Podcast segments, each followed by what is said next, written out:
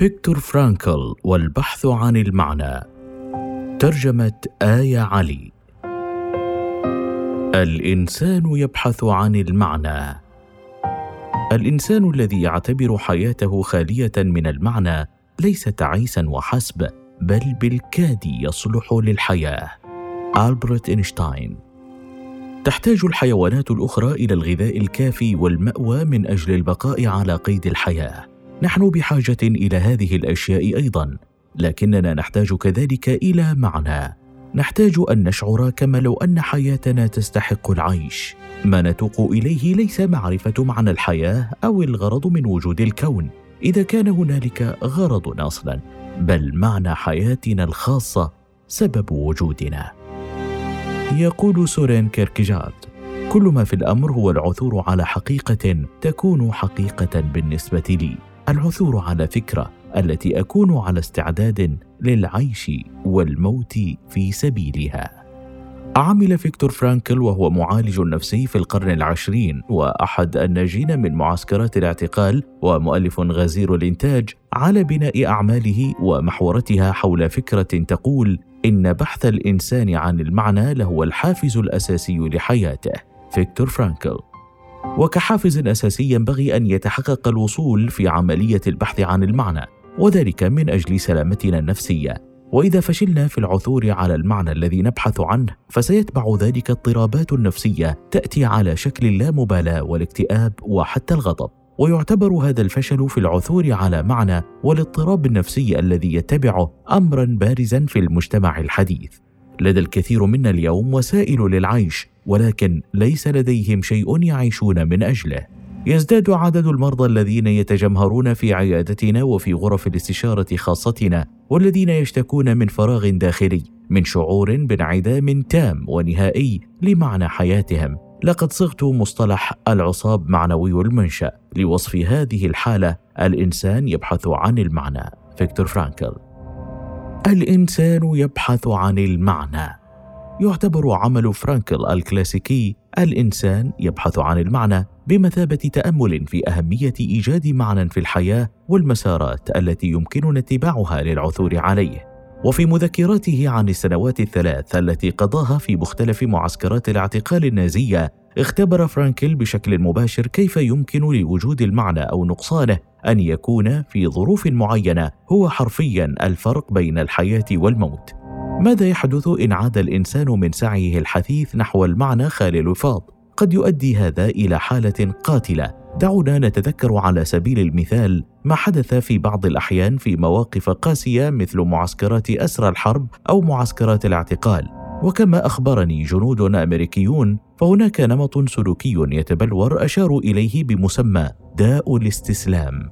وفي معسكرات الاعتقال كان هذا السلوك موازيا لسلوك أولئك الذين رفضوا في صباح أحد الأيام عند الساعة الخامسة النهوض والذهاب للعمل. وبدلا من ذلك بقوا في الكوخ مستلقين على القش المبلل بالبول والبراز. لم يكن لأي شيء لا التحذيرات والتهديدات أن يتمكن من تحفيزهم على تغيير رأيهم.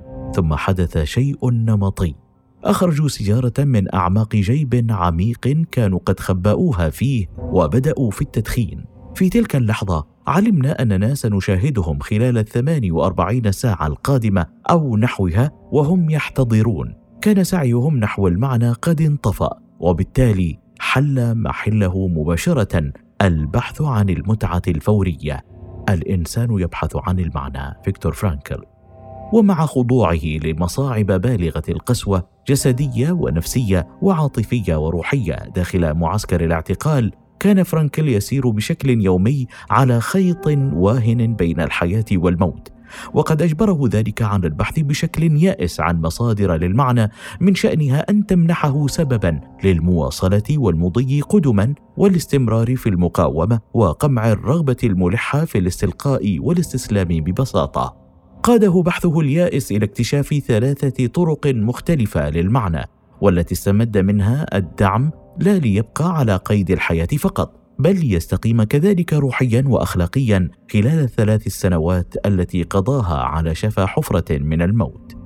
تشكل هذه المسارات الثلاثة للمعنى أساسا للعلاج بالمعنى وهي مدرسة للعلاج النفسي أسسها فرانكل بعد تحريره. ووفقا لفرانكل يمكننا أن نجد المعنى عن طريق أولا الانخراط في العمل أو فعل الخير ثانيا تجربة شيء ما أو العثور على شخص ما.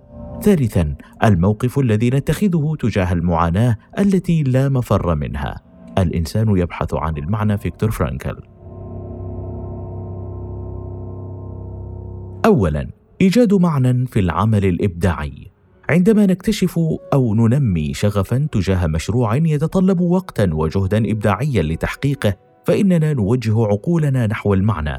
فمع مواجهتنا لكل يوم بشعور من الإلحاح البهيج نبحث بشكل غريزي عن التحفيز والإلهام لمساعدتنا على المضي قدما نحو تحقيق هدفنا. والشروع في إيجاد معنى في الأشياء والأفكار التي نبذناها في السابق واعتبرناها تافهة. عندما نوجه أنفسنا صوب تحقيق هدف مستقبلي نهتم بشأنه اهتماما عميقا. لن نجد الحياة مليئة بمعنى أكثر فحسب. بل سنطور كذلك الحافز الذي يجعلنا نتحمل بكل شجاعة المعاناة والمصاعب الحالية.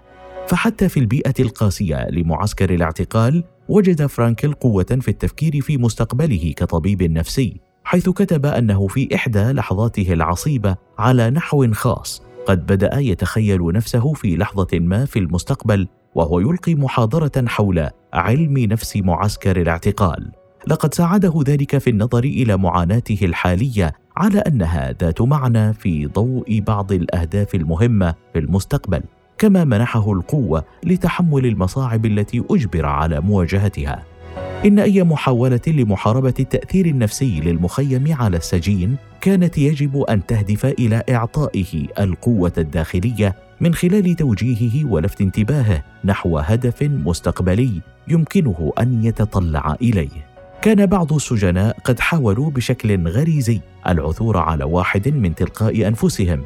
إنها ميزة يختص بها الإنسان وهي أنه لا يستطيع العيش إلا من خلال النظر إلى المستقبل من منظور الأبدية وهذا هو خلاصه في أصعب لحظات وجوده على الرغم من أنه في بعض الأحيان يضطر إلى إجبار ذهنه على إنجاز العمل. الإنسان يبحث عن المعنى. فيكتور فرانكل.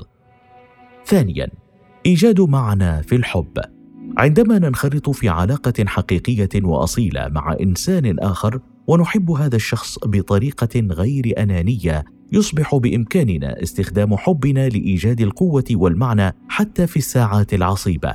وفي إحدى اللحظات الصعبة على نحو خاص حيث كان مبللا ويشعر بالبرد والجوع والضعف ويقوم بعمل يدوي يقصم الظهر بينما كان يتعرض للجلد والصياح روى فرانكل حدوث ما لا يمكن تسميته إلا بتجربة روحية حفزتها فكرة الحب الذي كان يشعر به تجاه زوجته. خطرت لي فكرة أصابتني بالذهول للمرة الأولى في حياتي أرى الحقيقة بصورتها المجردة. كما تغنى بكتابتها كثير من الشعراء وكما وصفها الكثير من المفكرين بالحكمة المطلقة. وهذه الحقيقة هي أن الحب هو أعلى وأسمى هدف يمكن للإنسان أن يطمح إليه. ثم قبضت على معنى السر الأعظم الذي تحدث عنه الشعر والفكر والعقائد الإنسانية. إن خلاص المرء يكون من خلال الحب وفي الحب. لقد فهمت كيف لرجل لم يتبقى له شيء في العالم ما زال يعرف معنى النعيم حتى وإن كان للحظة وجيزة من خلال التأمل في محبوبه. الإنسان يبحث عن المعنى. فيكتور فرانكل. ثالثا إيجاد معنى في الحياة. إيجاد معنى في المعاناة. ماذا يحدث إذا وجدنا أنفسنا في موقف تكون المعاناة فيه امرا لا مفر منه؟ هل يتسبب وجود معاناة عميقة ومحتومة في جعل حياتنا بلا معنى؟ ونظرا لأن المعاناة أمر لا مفر منه في الحياة يجادل فرانكل قائلا إن كان هنالك من معنى في الحياة على الإطلاق فلا بد من وجود معنى في المعاناة إذا تمكنا من التغلب على مشاعر الغضب والحزن التي نشعر بها نتيجة اضطرارنا إلى تحمل الألم العميق والمعاناة. فسنتمكن من تحويل أنفسنا إذ ليس هنالك دافع أكبر للتغيير من وجود معاناة عميقة ودائمة. علينا ألا ننسى ابدا أننا قد نجد أيضا معنى في الحياة حتى عندما نواجه وضعا ميؤوسا منه. عندما نواجه مصيرا لا يمكننا تغييره لأن ما يهم حينها هو أن نشهد الإمكانات البشرية الفريدة في أفضل حالاتها وهي تحويل مأساة شخصية إلى انتصار تحويل مأزق الفرد إلى إنجاز إنساني. إذا لم نعد قادرين على تغيير حالة ما فكر مثلا في مرض عضال لا يمكن الشفاء منه كالسرطان نصبح حينها أمام تحدي تغيير أنفسنا. الإنسان يبحث عن المعنى. فيكتور فرانكل. معنى شخصي للحياة. على الرغم من أن بإمكاننا تلقي بعض التوجيه من أولئك الذين تأملوا في الحاجة الإنسانية للمعنى إلا أن علينا في نهاية المطاف إجراء هذا البحث بمفردنا. فكون المرء منا فردا مميزا وظاهره لا مثيل لها في الكون يحتم وجود معنى فريد له. معنى يتناسب مع فردانيتنا وأهدافنا واهتماماتنا في الحياة.